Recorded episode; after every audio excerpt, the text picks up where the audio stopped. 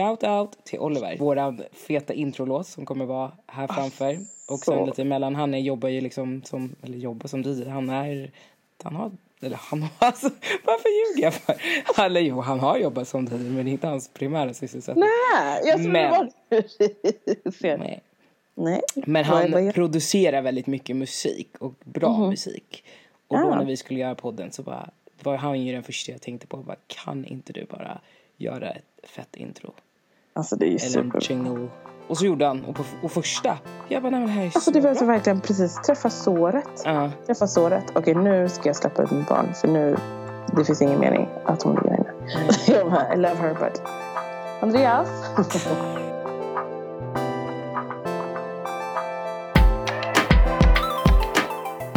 Hej och välkomna tillbaka ja. till podcasten om att vara med mig Angela. Och mig Elisabeth. Eller Ellie. Ska vi, alltså det där. Jag kommer ju aldrig vänja mig. Vad fasen. Att du är Elisabeth. Alltså, jag heter ju Elisabeth men jag kallas ju också för Ellie och typ massa andra smeknamn. Så att jag är så här, vi säger, vi säger Ellie. Vi säger Ellie. Det är lika bra. Man kan ju säga Annie till mig också. Eller, Ja. eller Angie. Angie, precis. Ja. Ja. Det är ju ganska roligt, men det kommer vi säkert också prata lite mer om sen idag. Men jag, alltså mina nya kompisar, vi säger nya kompisar, det är från vänner från 2010, eller, ja, 2010 och framåt. De kallar ju mig för Angela eller Angie. Men mina vänner från 2010, eller ja, 2009 och Mm. från när jag var yngre, de kallar mig för Annie. Det är ju det där. Det, alltså jag har ju samma, alltså nästan samma grej. Det blir ju liksom att mina, fast nu mina nuvarande vänner kallar mig för Elis, eller dig Elisabeth liksom. Mm. Medan mina äldre är så här, det är typ Ellie eller Bettan. så Det, det är känns liksom, inte som en Bettan. nej det är skitkul. Alltså det där kommer jag inte heller vänja. Alltså det är så här, om någon Bettan. annan kallar mig för Bettan så funkar det inte. Det är liksom bara vissa personer som man är så här, ja men ni får kalla mig för Bettan. Men inte alla. Det är inte för alla om vi säger så. Det är inte för alla. Det är exklusivitet. Det, kost, Ja. det kostar att kalla dig för Bettan. Absolut, absolut. There is a price. Mm. There is a price. Men hur är läget med dig? Ja, men alltså idag är det faktiskt himla bra. Alltså så haft det, nej men alltså en väldigt bra härlig dag tycker jag. Eh, förutom att så här, på morgonen var jag, kände jag att det var ganska tungt för att det var ruggigt och man hade lite ärenden som man var tvungen att göra och man var inte helt jag, inte, jag var inte helt sugen på att gå ut om vi säger så. Eh, men trött mamma. Ammat jättemycket idag och dagen. Jättehungrig mamma också. så att eh, ja. Så att idag så har jag varit eh, lite seg men eh, det, det blev bättre. Eh, som jag berättade innan, bara hängt med en, en kompis tidigare på dagen som också är hemma med sin mamma. Och, eller med sin mamma. Nej, men- Hon är också hemma med sin mamma. Ja, du- Eh, hemma med sin dotter. Så vi har hängt och det har varit skittrevligt verkligen. mm, berätta Så vad ni gjorde. Ja, vad gjorde vi då? Mm, man kan ju säga så här då. Lyssna till det lite. Nej, men vi lyxade till det ganska rejält tyckte jag. Åt eh, väldigt god lunch som vi lagade ihop. Och sen så tog med lite snacks, lite rester, bara men köldknytis. Och sen så drack vi en, en svag gin och tonic var. Jag älskar att du måste säga att den var svag. Jag måste säga att den svag, jag måste betona det om ansvarsfull förälder. eh, nej men alltså det var hur trevligt som helst. Och där satt vi och bara göttade oss. Och sen kaffe och te på det. Mm. Himla trevligt. En bra Alltså, start på helgen. För idag, nu när vi spelar in det här så är det ju torsdag. Så då Torsdag. smygstartar man helgen lite. Ja men verkligen. Och jag kan ju säga som, som, som Annie sa det bara så här, ja men var det din första drink på länge eller? Typ så här, på nio månader eller ett år nästan. Eh, svar ja. Mm. Så det var väldigt så här, man bara, oh, lite rädsla över så här, hur kommer det här tas nu? men det, det var inte så farligt. Den Så. välkomnades. Den välkomnades, det gick bra. Jag, jag mådde bra. Det var, inte, det var ingen lullighet ens. Så, Nej. att, eh, nej. så det var väldigt trevligt var det faktiskt. Mm. Det förstår jag. Hur, hur mår du, Annie? Ja, men jag mår också bra. Lite stressad. För att på lördag så är det ju min 30-årsfest. Eh, whoop, whoop. Whoop, whoop. Men jag känner liksom så här. Jag har allting fixat. Mm. Men sakerna är ju liksom fortfarande inte på stället. Så då känner jag lite så här. Okej, men jag måste få det dit, få det dit. Så det är liksom så här, och jag är ju sånt jävla kontrollfreak så jag måste verkligen så här, bara ha allting på plats. Så det är jag lite stressad över. Men sen så samtidigt så vet jag att det kommer bli bra. Mm. Eh, haft en bra vecka liksom bara peppar till det lite.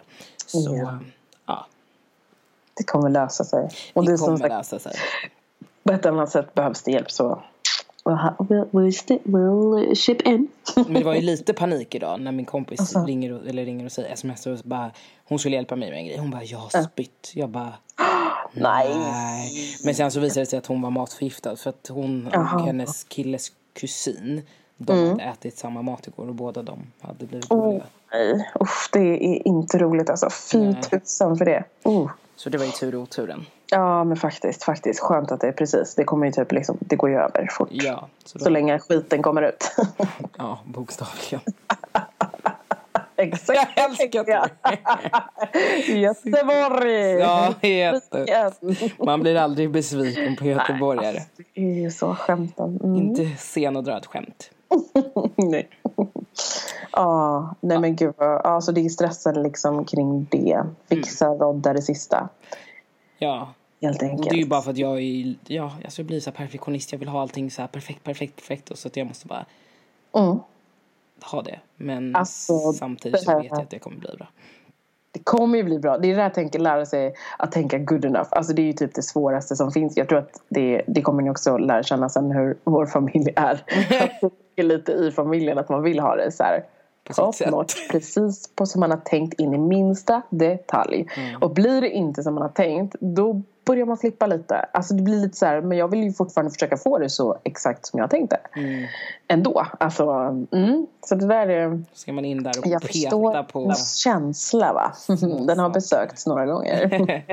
och den är verkligen på gott och ont. Ja men gud ja. Verkligen. Verkligen. Absolut. Det håller jag med. Ja. Men som sagt, ska absolut inte klaga. Mm. Man kan klaga lite på vädret, men så är det väl alltid. Ingen alltså. hade väl förväntat sig att våren skulle vara här. Det kommer ju alltid ett bakslag. Alltså alltid. Så det är sånt man får ta. Men eh, we're getting there. Det som jag i alla fall tycker är sjukt nice det är att det är ljusare på morgonen. Alltså gud den känslan. När man bara helt plötsligt inser att bara, klockan är sju och det är typ i stort sett ljust. Mm. Det är en sån fröjd. För det innebär att det finns hopp. Annars vaknar man och bara uh, Vänta lite, är det natt eller är det dag? Jag hade en period där min dotter sa typ eh, Min äldsta dotter var så här Nej men det är natt nu. Jag ska inte gå upp. Jag ska inte gå till förskolan. Jag bara "Eh, jo det ska vi visst göra. Men det är mörkt ute mamma. Det är mörkt. Jag bara ja men så här är det. Verkligen. Verkligen. Så är det verkligen.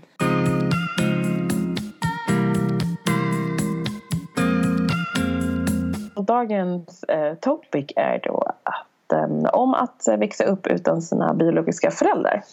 Yes. Eh, och eh, ja, jag vet inte om jag ska, ska jag börja där kanske och köra det. Men eh, ja, jag har ju då ehm, som kanske inte många vet. Vissa har ju stenkoll på hur det är. Men alltså jag har växt upp med två föräldrar som flyttade hit till Sverige på slutet av 70-talet, början av 80-talet. Eh, och har varit liksom så här, bara, ja, eh, det klyschigaste av klyschigaste. Men de är alltså två personer som har bott i grannländer, alltså Kenya och Uganda. Och ja, det, de är liksom grannländer och sen så träffats här i Sverige istället. av, Alla av all, ställen. alla ställen på, i världen. De hade liksom kunnat träffa i, träffas i Uganda, men nej. Eller träffats i Kenya, men nej. Eh, det, liksom, det gjorde de inte. Men var träffades de? Träffades de liksom på någon flyktingförläggning eller var det något? Hör på det här, det fortsätter att vara klyschigt. det visar jag Det var out. Alltså jag tror ju hela tiden, jag bara, ni skämtar. Alltså så sa jag när de väl berättade det för väldigt många år sedan. Eh, de har träffades alltså på tunnelbanan, Hötorget, Stockholm. Ja, just det där jag. Där träffades de och eh, bara så här, mm, blev helt, pappa blev väl helt eh, tagen av min mamma och eh, kunde inte släppa liksom. Som the African he is. Hys. Då är det liksom så här, man släpper inte när man väl har hittat något som man tycker är väldigt intressant. Då kommer man vara ihärdig. Exakt. Eh, och jag är helt övertygad om, det kommer inte ihåg hur min mamma tog det men jag är övertygad om att min mamma var inte lättflörtad. Det tror jag inte. Jag tror att han fick nog jobba lite eh, för uppmärksamheten. rätt. Alltså verkligen, det tycker jag verkligen. Se bara på dig, vilken skönhet. Tänkte bara hur din mor såg ut. Och tack detsamma du. Du var alltså uh, the beauty of the family. Mm, mm, mm. Vi är såna. Ödmjuka. alltså, verkligen, super super ödmjukt. Nej men så de träffades eh, ja, men här i Sverige och liksom pappa var, eh, hade liksom tagit sig hit, fick ett eh, stipendium eh, kring idrott som den kenyan han är, klyschigt det med. Eh, och mamma då ja, men tog sig hit på, ja det var liksom Idi Amins tid så det var inte så tryggt i Uganda helt enkelt. Och eh, hennes syster då, mm, Annis eh, biologiska mamma då, eh, som bodde här eh, hjälpte henne att komma hit helt enkelt och kunna få lite fristad då från det som härjade i Uganda. Eh, så det har liksom, ja, det var liksom deras start av det om man säger så. Jag tycker att det är så, alltså jag blir alltid så här, jag ska inte, ja, men fascinerad över folk som har flytt från ett krig. För att jag kan liksom inte sätta mig in i den situationen. Typ om jag hade varit i 20-25 års åldern och bara ska fly härifrån Sverige säger vi. Mm, Och bara så här, va? Alltså nej, alltså det är så svårt att Helt det går ju inte att sätta in. Nej. Det går inte att sätta och sig in. allt som de är med om på vägen och Mm. vart man ska och man är ensam och man inte vet liksom om vissa personer överlever. Nej, det är sånt jävla öde. Mm, mm. Ja men det är helt... Eh, alltså det är ju sån, för det blir ju någon form av drivkraft som de har med sig.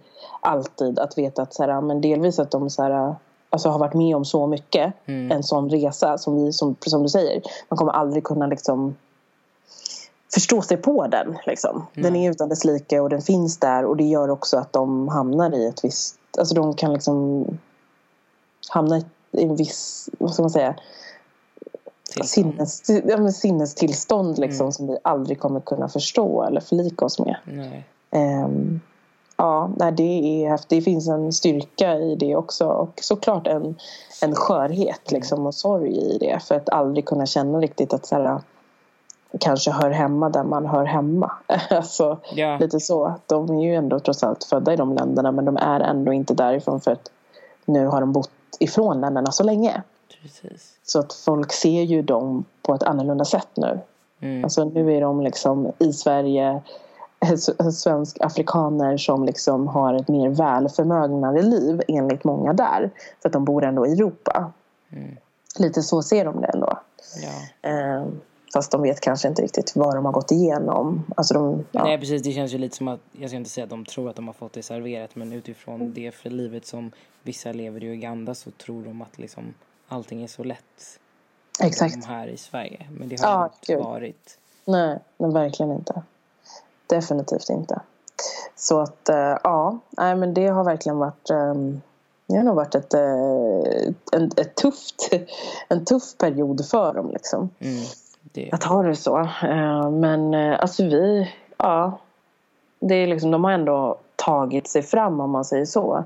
Alltså mina föräldrar har alltid varit, eh, vad ska man säga, när man väl har eh, när man bodde med dem liksom under en viss period när man var yngre så var det väldigt stor fokus på hur man skulle eh, hur, man skulle, hur folk skulle se på en. Att det var liksom så här redan förutbestämt att så här, ja, men du, är, du är svensk utåt sett och i skolan. Eh, bland dina vänner så är du svensk men hemma så är du afrikan. mm, Så är det. Liksom. Eh, ingen ska behöva liksom, se någonting annat än att du är så mycket svensk som det bara går. Men hemma gäller våra regler. Så som vi väljer att liksom, uppfostra eh, moraliskt tänk, allt sånt. Liksom. mm, Och det var ju väldigt speciellt. Eh, kan jag, alltså från min sida. Liksom, att det, är så här, det är på gott och ont. Alltså, jag har, känner att det är mycket som man har fått med sig som har varit jättebra kring det. mm, Men eh, det är också en hel del som kan ha gjort det väldigt tufft och kan ha gjort det liksom resan längre fram för en annorlunda. Mm, lite så. Men kan du inte berätta lite mer liksom, ja men dina föräldrar kom hit och sen så, du är ju näst äldst i en syskonskara. Precis. Alltså jag har ju, det, det galnaste när folk frågar sig hur många syskon har du? så, så är oftast det att jag så här, som sagt, jag, är, eh, jag har två stycken helsyskon. Mm. Eh, och sen så, och varav dem så är jag äldst. Och sen så har jag eh, halvsyskon. Mm. Eh, varpå det innebär att vi är typ åtta stycken totalt har jag räknat på. Alltså, vi Det är en del. Eh, Så det, det, det är en stor syskonskara. Eh, där liksom den äldsta är 40, jag tror det är 42. Eh, och till den yngsta är, vad blir det, 15. Nej, 15, 16 typ. Eh, Men hur så- gamla är tvillingarna? Ah, just det, tvillingarna. Där har vi dem. Jag har glömt två stycken då. De har väl inte hunnit bli 15 än? Alltså de har inte hunnit bli 15 än. Eh, Tvillingarna är, eh, vad blir det? De är fyra år. Ja. Är de. Så det är ju liksom eh, en, eh, vad ska man säga, en stor bredd på ålder. i, eh, liksom i, i familjen. Nej men så det har liksom varit så att jag har Alltså under min uppväxt, vad ska man säga eh, Så har jag bott tillsammans med mina två helsyskon. Eh, Där vi då har eh, samma, ja, som sagt, samma mamma och samma pappa. Eh, Och där föräldrarna liksom, vad var det 94 någon gång skilde sig. Eh, Och då bodde vi lite så här, ja, men varannan var tredje vecka, lite en blandad konstellation. Eh, innan det så också i och för sig glömde jag att min stora syster också kom och joinade vår familj.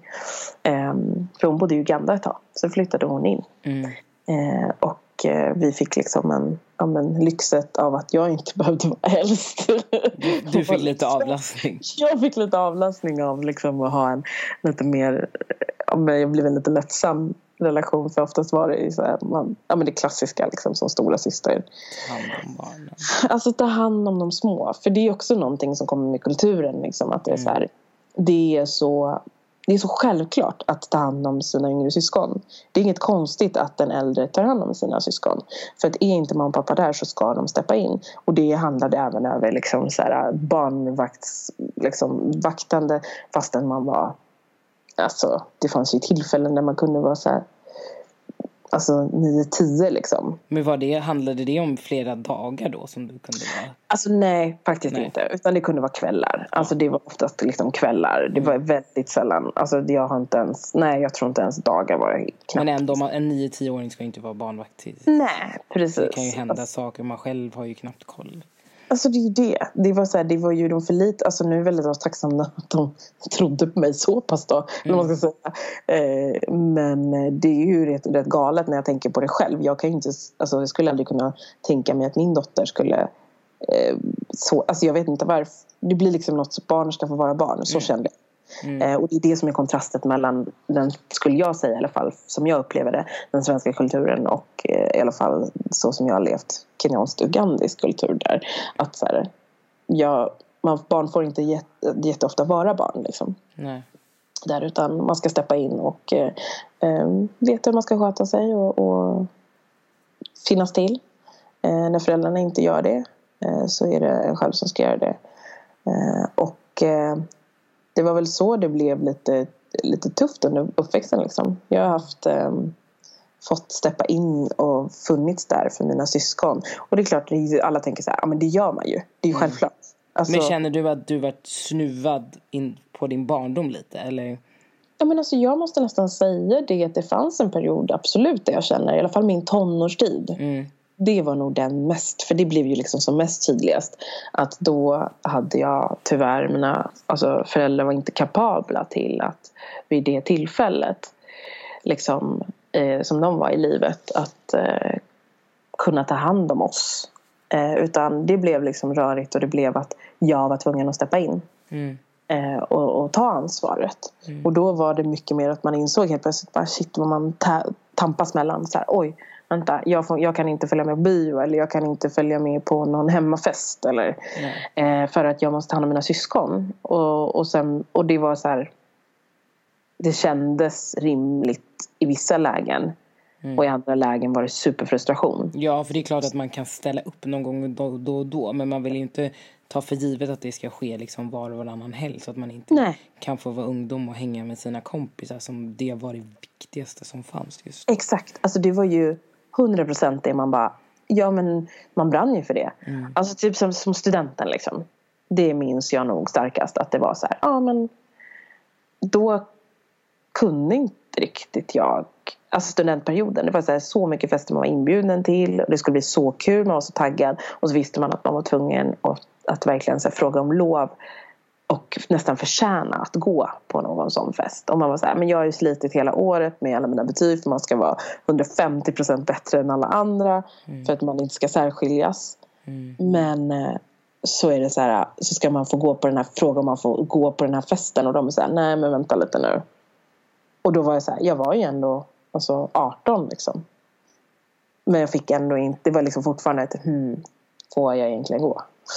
Mm. Så att eh, jag känner absolut att ja, det har varit tufft med den biten.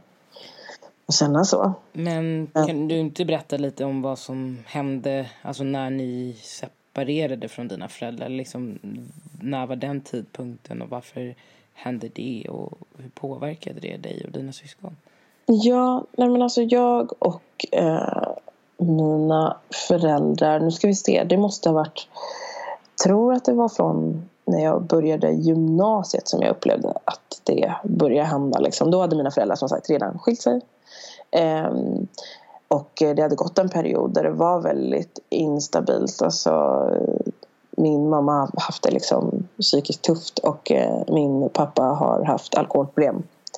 Eh, och det var någonting som gjorde att alltså, det blev en utmaning. Eh, det gick inte riktigt att lösa saker så som man ville att det skulle lösas. Alltså, och att känna att man alltså, kunde ha en, alltså, van, ett vanligt liv, liksom, en vanlig vardag. Utan det blev... För att du eh, varit påverkad av dina föräldrars mående? Ja, precis. Alltså det blev ju på något sätt som att man ville ju skydda dem. Alltså ingen visste ju om det här. Nej. För man var ju expert. Det var ju typ det, den egenskap som man utvecklade otroligt snabbt och eh, höll på väldigt länge och man var perfektionist på.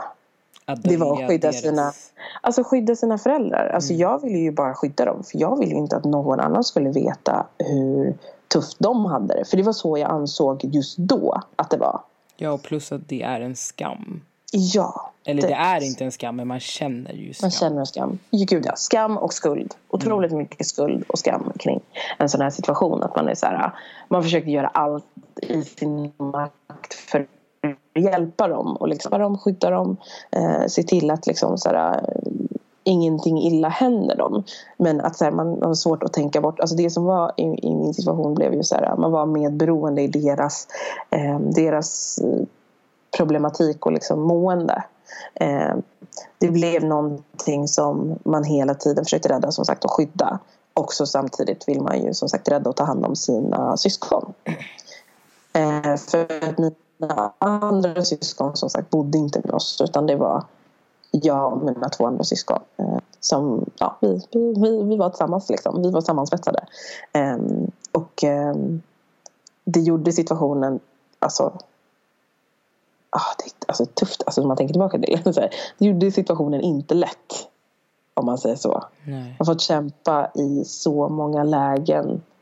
Eh, allt ifrån att som sagt bryta sig loss från en struktur kring en alltså, dysfunktionell familj. Eh, till att liksom så här, som sagt hitta sig själv igen, hitta sin självkänsla. Mm. Eh, förstå liksom att så här, man, ska hitta, man, kan, man kan faktiskt hitta sin konstellation av familj eller skapa sin konstellation av familj. Um, sidospår bara om ni hör något skrik i bakgrunden. It's my baby. Hon är inte ensam med sin pappa. Och skriker själv. Ja, gud. Nej men, eh, nej, men alltså, det var verkligen tror jag, den tuffaste utmaningen att så här, det, man brottas med att eh, man ska, ska skapa sig en självkänsla. Man ska skapa sig eh, en trygg känsla inom sig själv. Mm. Eh, och också inte vara den som... Ja, men det ska vara så här, naturligt omhändertagande om man vill. Mm. Det ska inte vara en självklarhet att det alltid är den som är så här omhändertagande. Eh, läsa av stämningar, försöka liksom rodda i och fixa, eh, vara diplomaten i familjen liksom.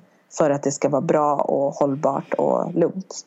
Men hur fick du den här avlastningen? Alltså ni fick kontakt med någon jourfamilj eller vad? Ja, alltså det var så här, som sagt en period där det var helt ohållbart och då fick vi, då tog jag faktiskt rent aktivt kontakt Mm. med, eh, med liksom Sos. ja, med so socialtjänst liksom, precis med soc och sa det att eh, vi hade några kontakter som vi var så här, nej men ni måste hjälpa oss för det går inte.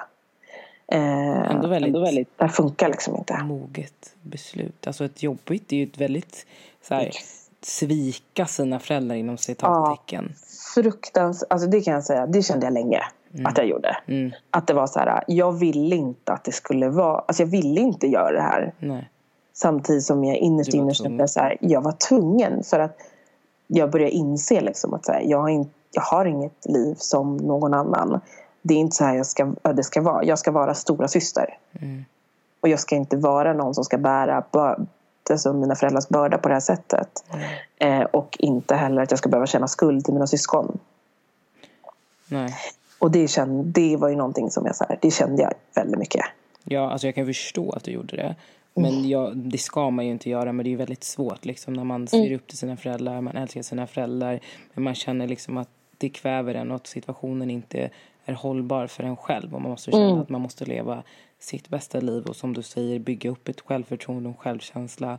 Och det kanske man inte kan göra med någonting som tynger en, utan man måste Nej. lätta på det där. Och Exakt. då var ju liksom första steget för dig att sträcka ut en hand och be om hjälp. Exakt. Och det är det svåraste som finns. Det vet ju alla i så många lägen. Att bara säga de orden bara. Snälla hjälp mig liksom. Mm. För det här går inte. Och jag var liksom i det läget också redo att så här, jag bara, jag tar det här beslutet. Jag, jag, jag vill inte tvinga mina syskon till att behöva ta det beslutet. Att, att lämna det här. Eh, men att lämna liksom föräldrarna som man såklart älskar. Alltså det, är, det, är liksom, det är mina föräldrar. Kommer alltid, det, det är min grundkänsla till dem. Liksom. Men deras vä- illamående, det älskade jag inte. Men vad var Illamående. Det lät fel. Men ja, deras liksom, bete- tillstånd. Ja, precis. Så som de mådde. Precis. Till, till, ja, tillstånd. Mm, så, ja.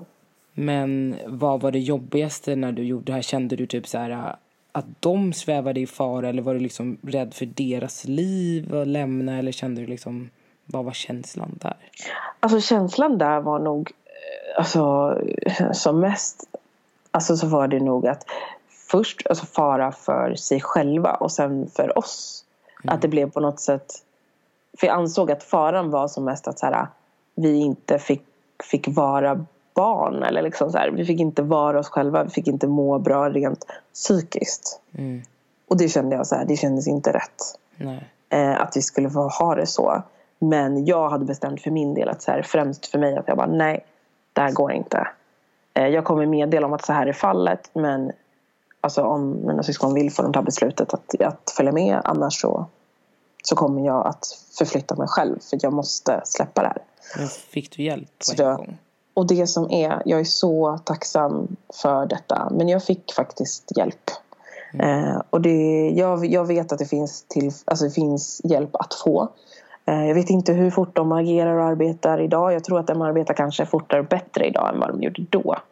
Eh, men jag fick hjälp av några kontakter som jag hade sedan innan som hade varit till hjälp för familjen liksom, när mamma och pappa skilde sig. Eh, för då var det här klassiska liksom, att man ska säga ja, men det är någon som följer med för att vi var så små eh, i början och mamma och pappa inte kom överens. Mm. Så då blev det så att någon fick följa med. Alltså, jag blir så ledsen när barn Alltså. blir lidande i föräldrars skilsmässa. Nu har ju jag inga barn och sånt där men i framtiden och om det skulle vara så att jag Mm. skulle separera med min kille så alltså det sista jag kommer vilja är att såra mina barn eller liksom sätta dem emellan någonting. Alltså man får fan lämna dem åt Ja, sidan. man får bita ihop. Ja. Alltså det, är så här, det, är så här, det är ditt bekymmer Ja. som du har med dig själv och din partner. Mm. Det ska aldrig gå ut över barnen. Nej, de ska inte ens Alltså, märka att Nej, någonting alltså. är skillnad förutom att ja, de kommer obviously ha två hem. Ja, liksom precis. inte prata inget illa om partnern, alltså inget sånt. Alltså, det finns så många andra människor kan, man kan gå och spy alla över Mm. än till barnen som ska få älska båda sina föräldrar Ja. lika mycket.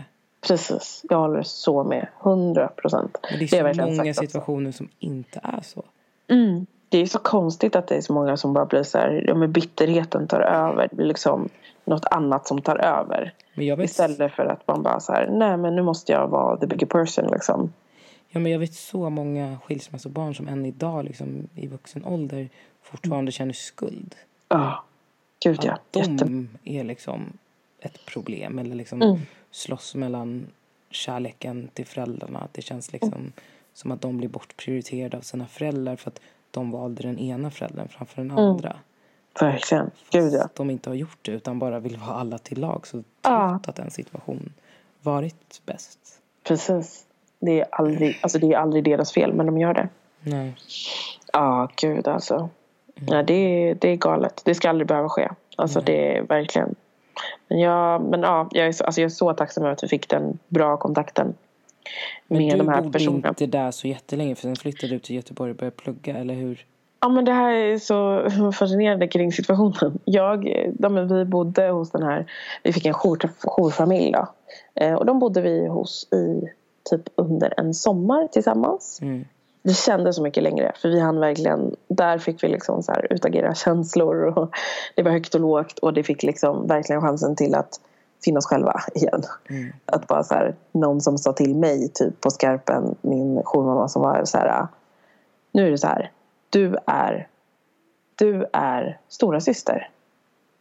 Nu ska du vara ja men, ung vuxen, tonåring. Liksom. Alltså du ska få vara det. Du är inte mamma. Nej. Och det var det sjuka. Alltså jag typ grät för jag var så här, det var så Alltså det var så konstigt att få höra den frasen. Att du skulle ta ett Jag steg såg tillbaka. mig inte som mamma. Men bara det att precis som du säger. Jag skulle backa. Någon annan tar över den här rollen. Då bara, vi sköter det här nu. Mm. Vi tar hand om dina syskon. Det kommer lösa sig. Mm. Alltså jag var... Uh, gud, jag blöder kring det här. Men Ja. alltså, det var typ det bästa jag kunnat höra i typ hela mitt liv kring något sånt. För att det är så här, jag behövde höra det. För ingen annan hade sagt det. Såklart ingen annan har lagt det på mig. Utan det blev, det blev ju så. För att jag ansåg att mina föräldrar inte var kapabla då till att, vilket de inte var heller, till att kunna ta hand om mina syskon. I det läget. De mådde inte bra. Var, var du arg på dem? På dina föräldrar? Alltså, det fanns stunder, absolut. Där jag kände att jag var arg och uppgiven. Mm. Jag var liksom besviken på... När det är liksom psykisk ohälsa så kände jag att det var mer förlåtande än alkoholism. Mm. I långa loppet så fick man liksom förståelse för det. Mm. Eller förståelse för det, men liksom så hur man ska se på dem båda. Att de är egentligen likadana för de går liksom inte... När man har varit med så länge i det Mm. så går det liksom inte att... Det är en sjukdom det med. Mm. Men från början kanske det är svårt att se men att man bara, men sluta att bara dricka. Alltså du vet, man Ja, så här, ja, att ja, man tror att det är enkelt. Alltså ja, ja, gud. Man är ju liksom, jag vet inte hur många gånger där jag bara så här, men hittar på att försöka lösningar och säga så här, ja men typ räkna på om du slutar dricka så här mycket. Eller så här, du betalar så här mycket för det du gör så skulle du kunna göra det här. Alltså det är mycket sådana tänk. Mm. Men det hjälper ju inte. Alltså det Nej. funkar. Och då börjar man förstå. Och Ja, det blir det så mycket svek och sånt som kommer i den, den alkoholismen också. mm, ja men verkligen. Det är, det är liksom det, men det är svek, det är sorg, det är em, hopp. Mm. Och, alltså segla mellan hopp och förtvivlan mycket. Ja. Eh, och det är ju Personlighetsförändring, alltså allt sånt där också som Mm. kanske skrämmer en när man är yngre. Mm. Ja men verkligen. Det är verkligen inte något som har varit, alltså som sagt, inte, det är aldrig lätt ehm, att hantera liksom, en sån situation. Mm. Det, är- ja, ja, det var det, det är extremt utmanande, klart. Så att eh, ilska, det kände jag ett tag. Som sagt, ilska och besvikelse, sorg. ehm, gjorde jag. Det, liksom, det gjorde jag ett tag men det blev, övergick ganska snabbt till eftersom jag fortfarande var en så här, min grundkänsla var den här skuld och liksom jag, det jag jobbar alltså var tvungen att jobba rent aktivt på självkänslan um, och sådär och, och den det känns som det tog ett väldigt bra tag innan jag kunde släppa att jag kände skuld mm. till mina föräldrar. Mm. För den kände jag före. Alltså ilska och besvika, alltså besvikelse. Mm. Um, vilket egentligen, eller jag ska säga, jag tyckte ju, alltså jag tycker det när jag hörde så blev så här, det är konstigt men samtidigt så är det klassiskt liksom medberoende situation. Mm. Ehm, ja men som, det är såklart man inte vet vad det betyder då. Alltså det är typ när man växer upp och liksom lär sig saker om livet och samhället att man säger jaha, det var det det var. Mm, men där och mm. då så är det ju kanske inte så lätt för man har ingen erfarenhet av saker och vet inte hur man ska agera. Nej. Nej, men verkligen. Det finns ju ingen handbok i medberoende. Alltså det vore fantastiskt om det fanns det kan jag säga. Men mm. nej, det gör inte det. Det gör verkligen inte det. Men, eh, men hur tror ja. du att de här situationerna har format dig idag? Både positivt och negativt? Alltså idag så tror jag absolut att det har stärkt mig till det positiva. Eh, för att eh, det har gjort att jag har väldigt stor förståelse för väldigt många människor. Eh, så det kan jag uppleva som väldigt positivt liksom för att det är ju som att jag skulle aldrig kunna se på eh, många som har problem att bara såhär, uh, det där är, alltså man liksom så backar och vill inte höra liksom. Eh, förneka folks känslor. Det skulle jag liksom inte... Visst, det är klart det kanske inte är många som gör det men många kan alltså känna att det blir någon viss rädsla liksom, att höra.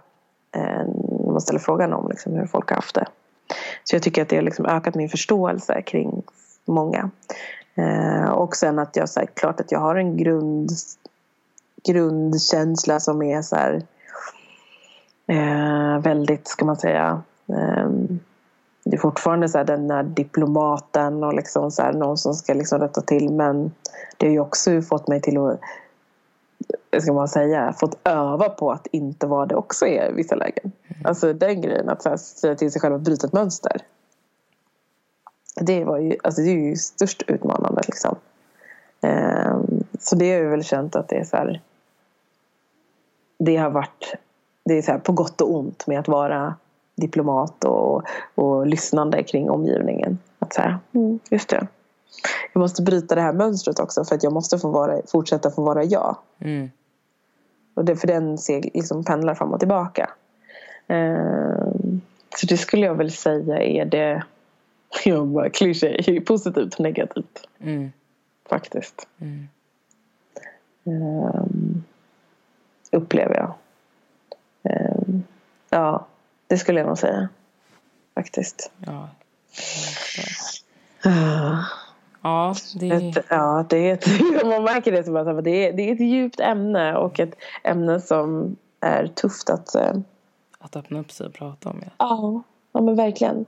Samtidigt så känner jag ju som vi pratade om innan liksom, att det är så viktigt att... Alltså jag har alltid velat egentligen dela med mig av det här men det har varit tufft och svårt att veta hur man ska dela med sig mm. av det.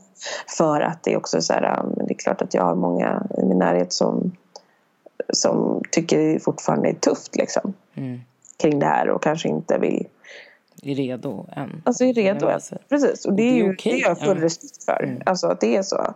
Men just att det är så här, det är väl så jag upplevde den delen. Liksom.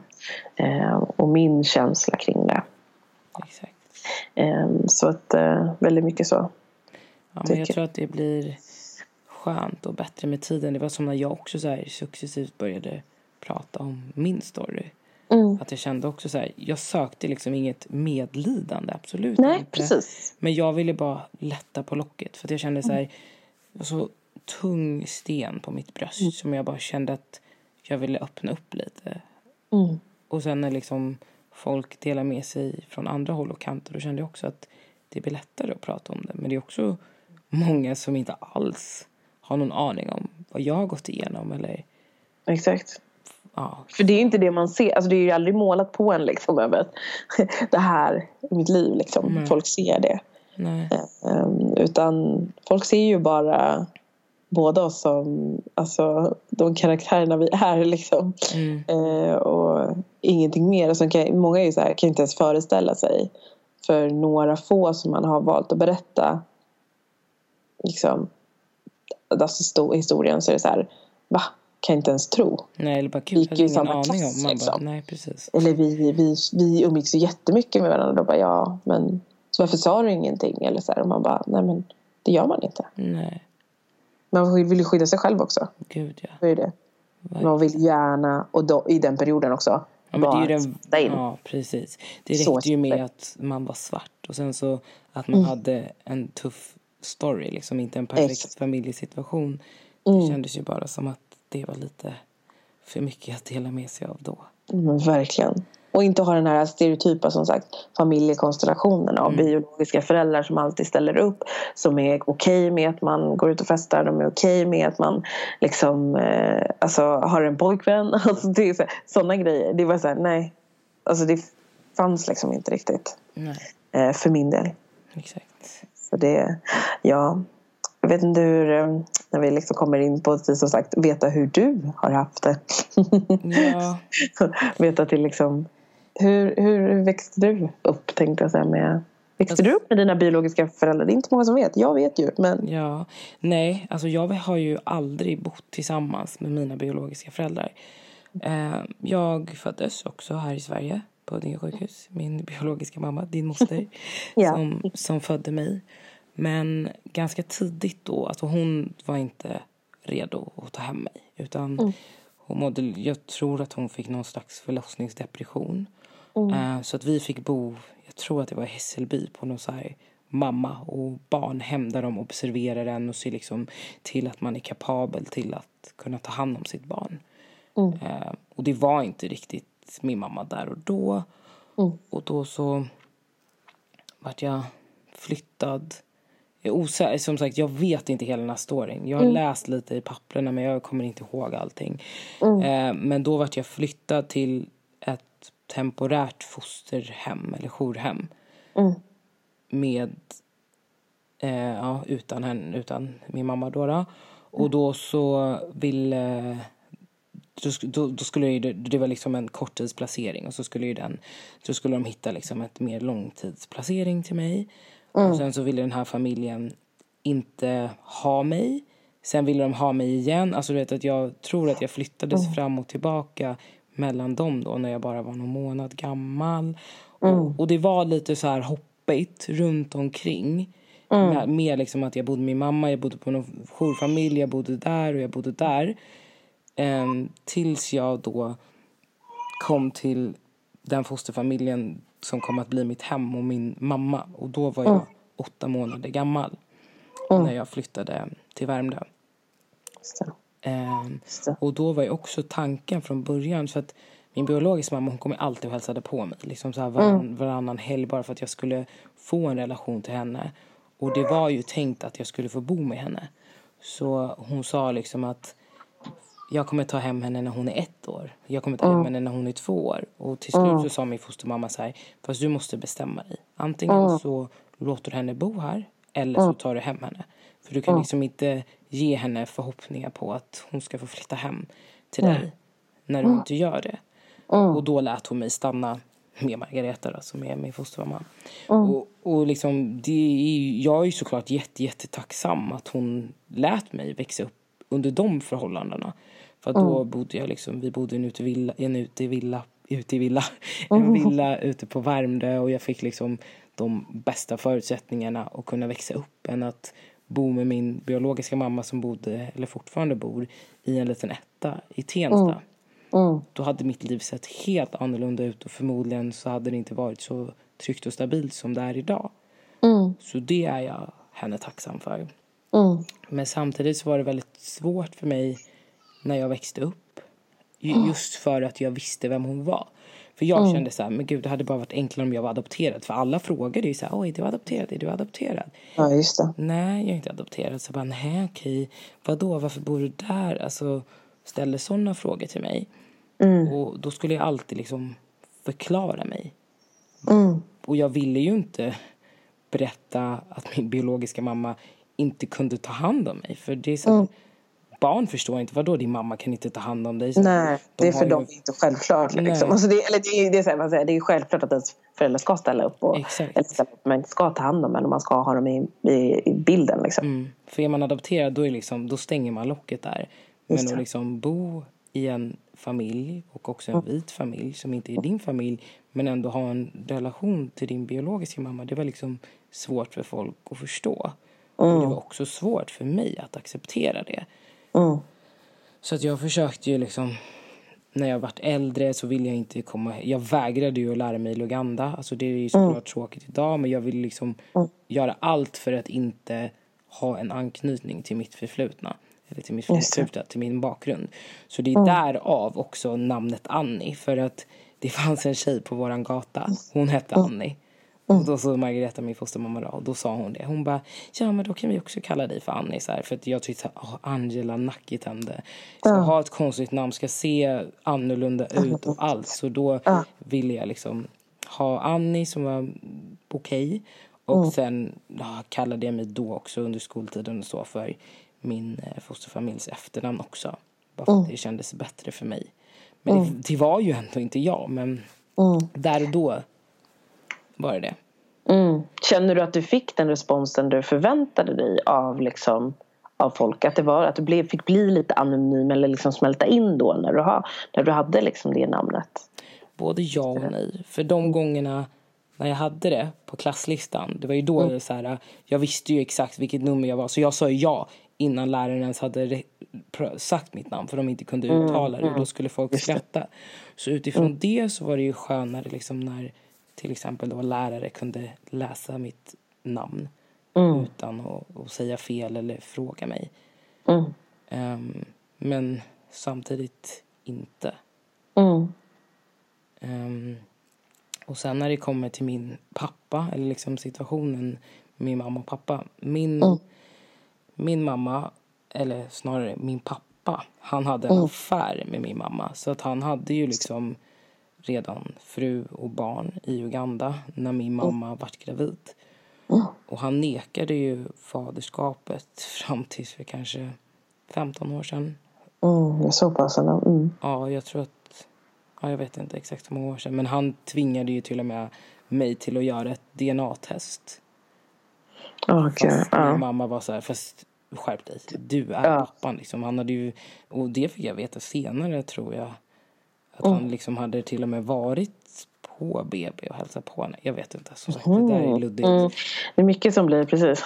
Det där kommer man aldrig få veta riktigt säkert. För de säger också så här, ah, men jag ska berätta hur det ligger till. Och sen så får man aldrig veta saker. Så att man måste bara acceptera situationen som det är. Mm. Vilket också gör mig frustrerad. Ja, klart. För det är ju liksom en... Det måste vi alltså, tänka att det är lite samma. att det är ju som en pusselbit som saknas. Mm. Alltså av att inte veta riktigt allt. Vart liksom. man kommer ifrån. Ja, precis. Precis. Hur- Grunden. Ja, och hur situationen ligger till. Mm. Så ja, så att eh, då fick jag... Jag har ju då alltid vetat om att jag har haft syskon. För det, så är det också. Nu kanske jag hoppar lite fram och tillbaka. Men jag har ju då också syskon på min pappas sida och jag har syskon på min mammas sida. Eh, på min mammas sida har jag två äldre stora systrar. Den ena är 45 och den andra är 38. Så de är liksom äldre. Men min ena syster, henne och jag, vi har haft liksom väldigt bra kontrakt genom åren. Och hon har funnits där för mig. Och jag, hon, jag, när jag bodde i London så bodde, eller hon bodde i London. Det var väl lite därför jag också började åka till London sen. Eh, och sen flyttade även jag dit. Men på min pappas sida då så har jag alltid vetat om mina bröder och min lilla syster. Men de har ju aldrig vetat om att de har haft en syster. Ja, det var så det var. Tänk vad mycket pusselbitar. Okej, nu är det här så galet för, för er, men de förstår Mm. kon- familjekonstellationen. Det är mycket på kalas och så. På Mm. födelsedagskalas för dig. Och just så här, man har sett alla de här barnen och sånt och inte vetat. Det är ju först nu, liksom, i vuxen ålder, som vi har Ja. pratat om. Så och man har fattat liksom- hur det har hängt ihop. Ja. vi får så här, bara, nej men de var ju bara kompisar. De var en, bara kompisgänget som var där och var med på kalasen. Liksom. Nej, men de var mina bröder och de fick inte ens veta det. Alltså det är så här, åh, jag vet inte vad jag ska säga, men det är helt sjukt. Men det sjukaste av allt. Alltså jag kommer inte ihåg, min ena bror, Eller här, den ena är 85 så han är... Alltså, jag bara, hur gammal är jag? Han är fyra år äldre än mig. Han, är 30, han blir 34 i år. Ja, eh, och den andra, ja, precis, och den andra är 87, så han är två år äldre än mig. Men mm. då minns jag då första gången jag träffade min storebror. Mm. Jag, det var under den tidpunkten som jag bodde i London. Mm. Eh, och av alla ställen i mm. hela världen så jag, jag är inne på Primark. Mm. Går runt där och sen så bara helt plötsligt hör jag någon som bara Angela. Jag bara What? Jag bara, vem fan ropar på mig här i London? Så bara Angela. Jag bara okej. Okay. Och så bara vänder jag mig om och då står min pappa där. Och Va? bredvid honom så är min bror, hans dåvarande flickvän och min lilla syster. Eh, och du vet, alltså, samtalet blir... Alltså, det är så, och du vet, jag har aldrig sett honom. Oh, God, och han har aldrig sett mig. Varpå min pappa säger så här. Eh, det här är din syster Angela. Känner du henne? alltså förlåt. Alltså man bara. Gud. Oh, vad Gud. är det du säger?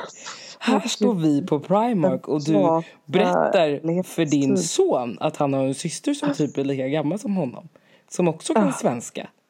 Som också bor i London. Alltså, men det var så jävla lustig situation. Och han bara, alltså han bara syster, syster. Eller han bara, ja det är din syster. Alltså du vet sådär. Och du vet, riktigt dålig stämning. Och sen så, jag bara hej hej och hej då. Så gick jag därifrån. Sen letade jag upp honom på Facebook. Uh. Jag var så här, vad fan jag måste skriva till honom för det här var ju bara så jävla dumt. Så jag skrev ju till honom bara hej hej lalala jag bor i London och jag har vetat om dig hela livet och ja ja ja. Typ. Vi kan ju träffas och ta en kaffe om du vill så. Men han mm. svarade aldrig på det där. Ah, okej. Okay. Och sen efterhand fick jag veta liksom att det typ var... Ja, det kan jag i och för sig förstå. Men då var det mm. lite respekt mot vår pappa. För att han ville liksom att han skulle presentera oss ordentligt först innan okay. han och skaffade sig en relation med mig typ inom citattecken bakom hans rygg. Fast mm -hmm. å andra sidan hade han ju också gått bakom hans rygg i, i typ 25 mm. år. Eller 20 år. Ja men verkligen. Precis. Ja. Så, och jag ska ju inte säga, eller i liksom, man har ju väldigt mycket respekt för sina föräldrar i Uganda. Ja, som Afrika. det är precis, det är väldigt så. Eh, men jag har ju inte lika mycket respekt just för att jag inte har växt upp med dem. Det är klart att jag har respekt för äldre människor. Men jag känner ju liksom att jag mm. kan säga ifrån mer.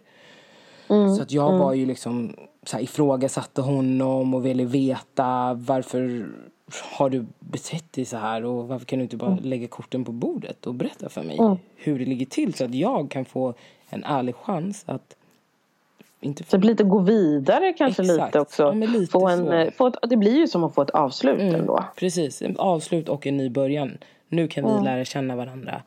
Eh, lite så. Mm. Men han, han eh, vet vad han säger? Att han är en afrikansk man. Typ. Och Oj. så ska jag bara acceptera det. Oj. Ja, ja, det är speciellt alltså. Det är den kulturkrocken. Alltså det, ja, det är speciellt. Ja, så lite så. Men alltså vi har ju en helt okej relation idag. Alltså vi, mm. vi ses någon gång då och då. Mm. Alltså jag, jag förväntar mig liksom inget. Jag har slutat med det där att förvänta mig för mycket.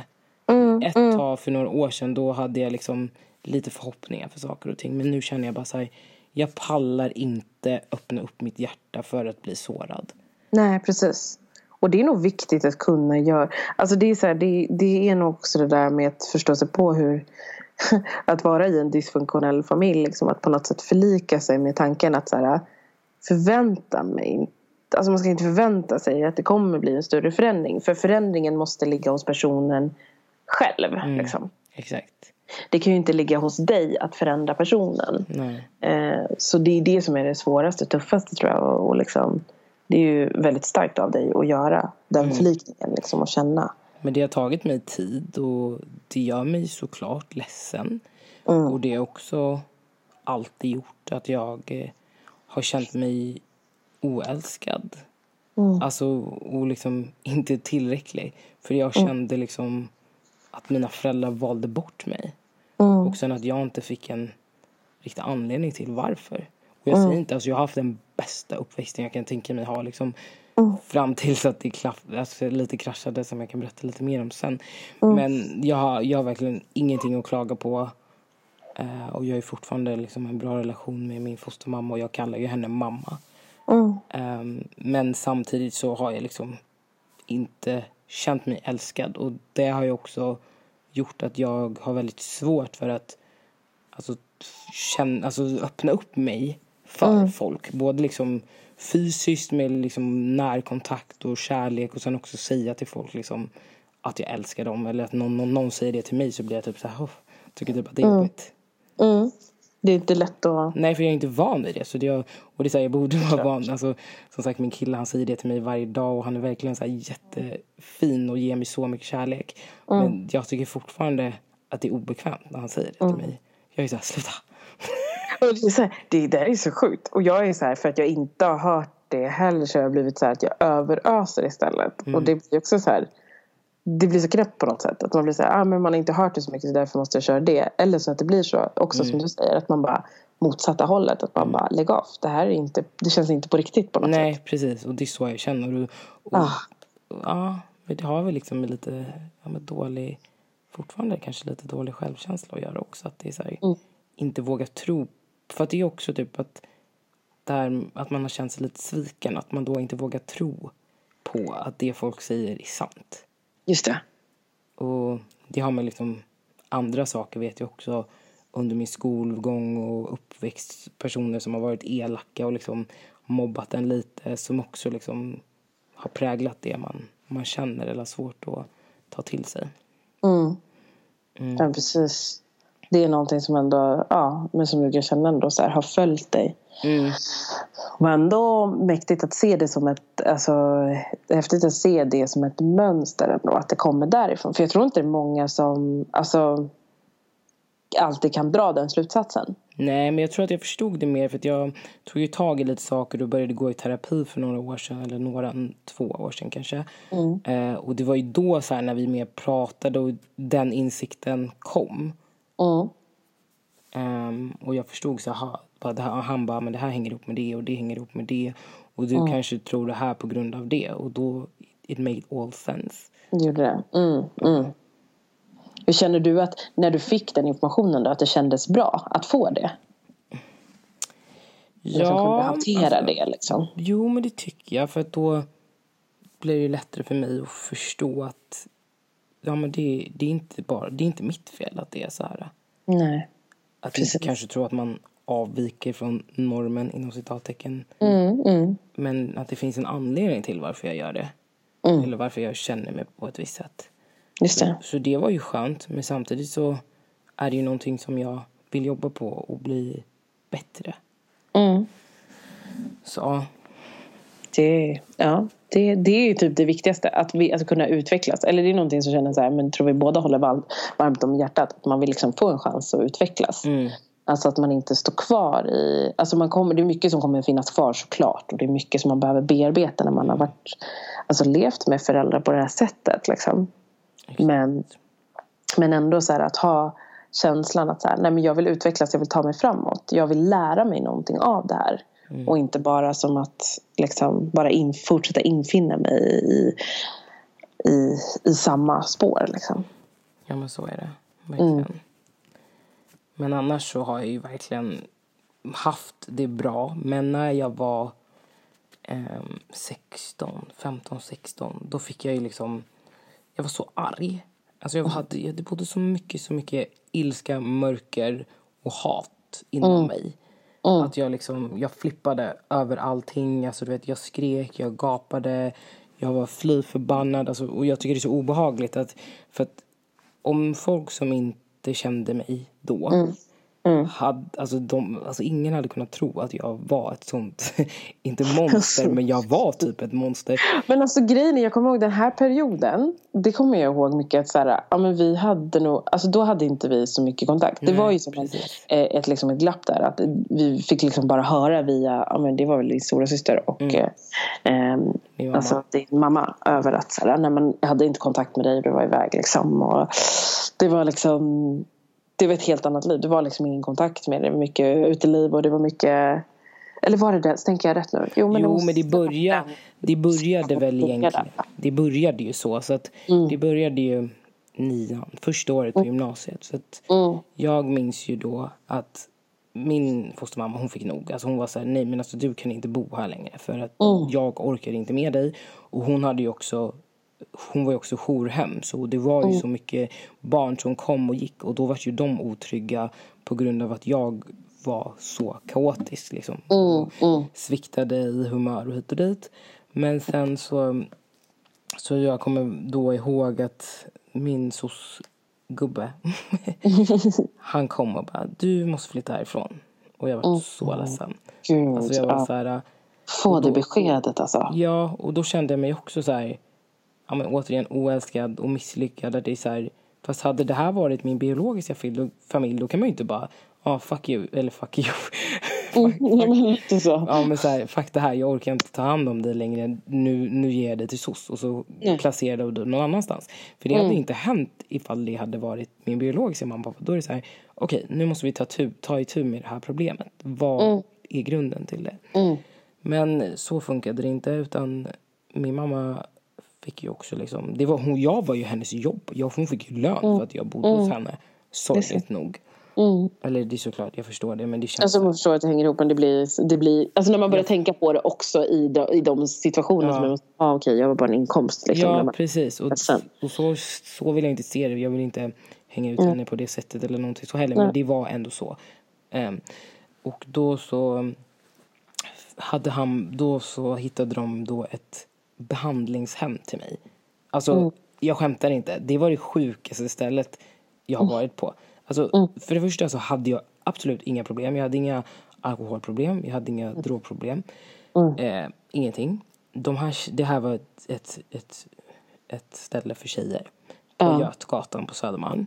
Okay. Eh, och de tjejerna som bodde där, de hade ju liksom major problems. Det var så. Okay. Och det var liksom personal här dygnet runt. För jag var så pass gammal, jag var 17 år så det finns ju ingen typ fosterfamilj som ville ta hand om mig för att jag var så mm. gammal. Eh, mm.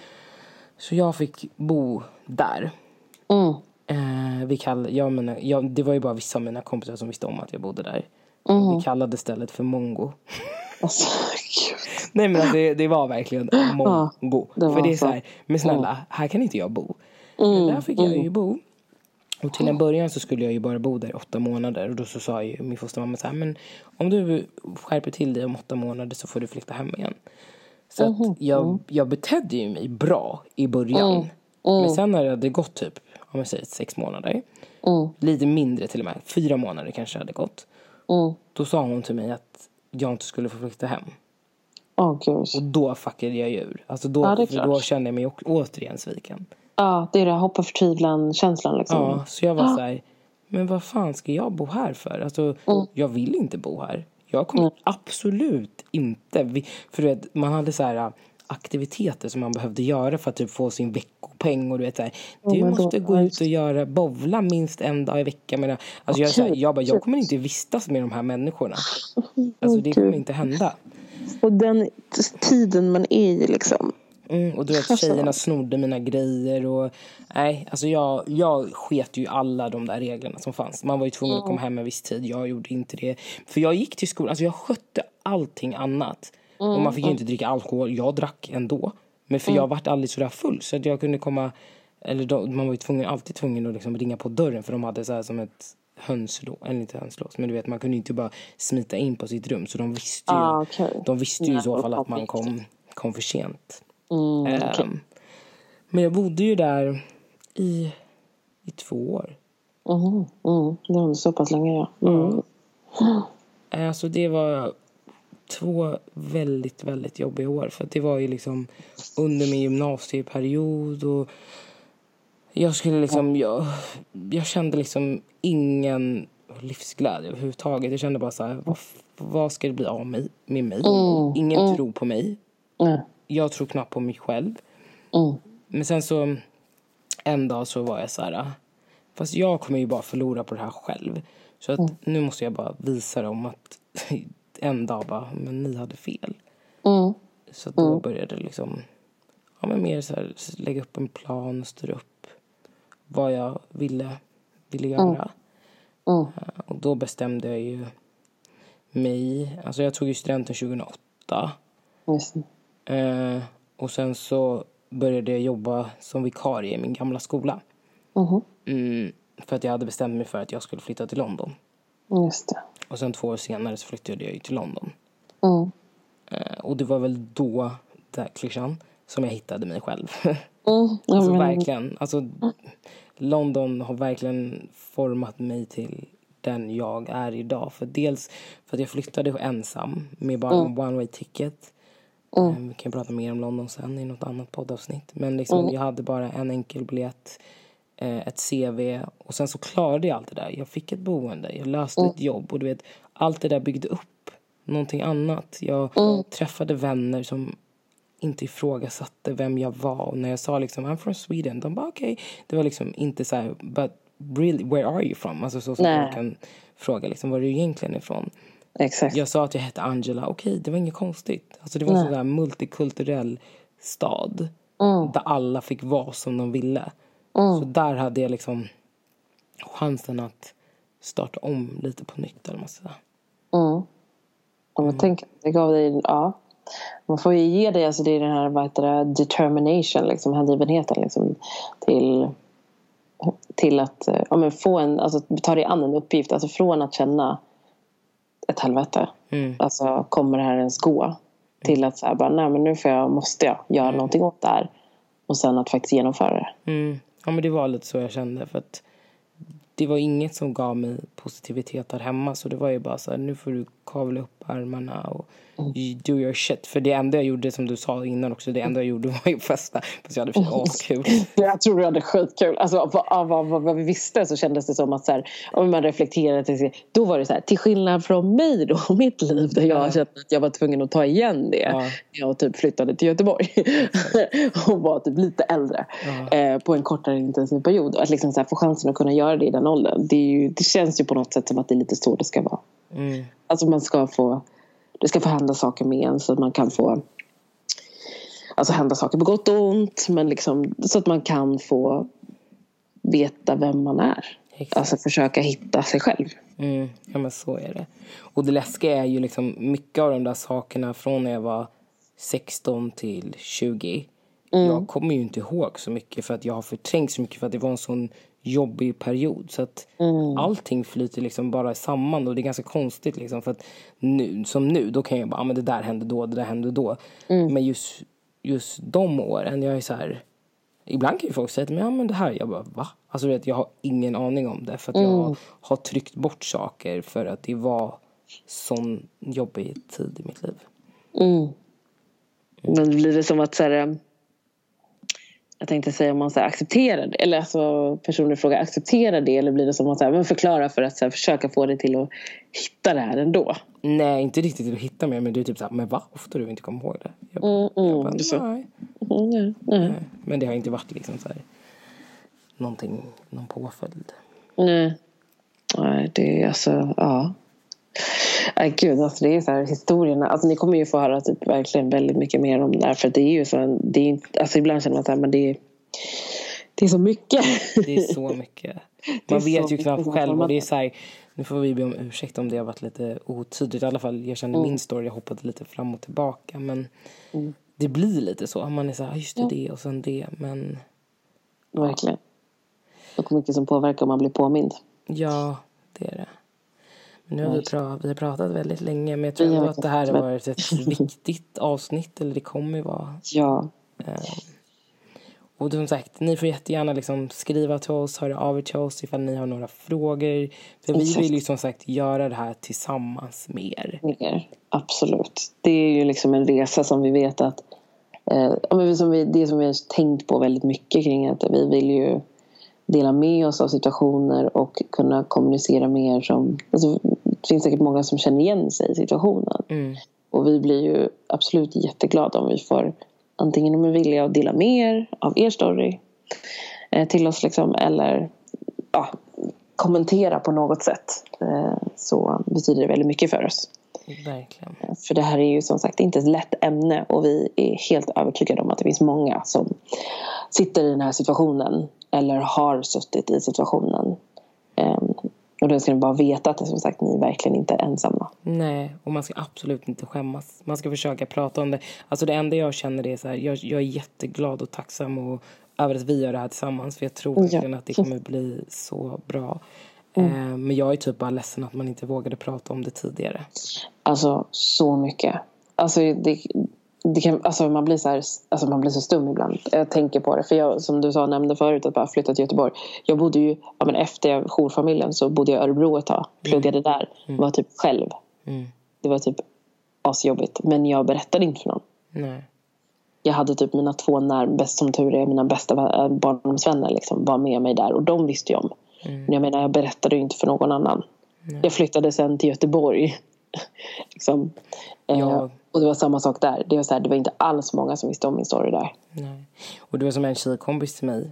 Alltså hon, mm. när jag liksom, hon, jag har ju känt henne under åtta år. Hon bara, också i år, hon bara, va? Jag hade ingen aning.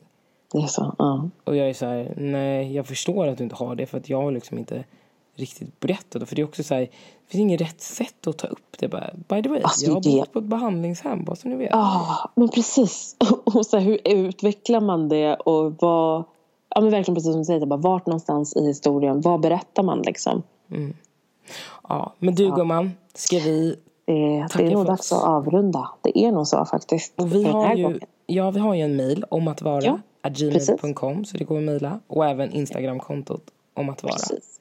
Exakt. Så in och följ oss där. Spread ja. the podcast. Precis. Rate oss, like oss. Like oss, ja. Ni vet. Kommentera. Gamla vanliga. Ja. Klassiskt. Give us love.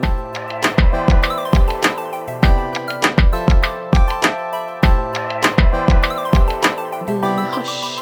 Ja, men det gör vi. Tack alla som har lyssnat. Ja. Vi hörs nästa gång.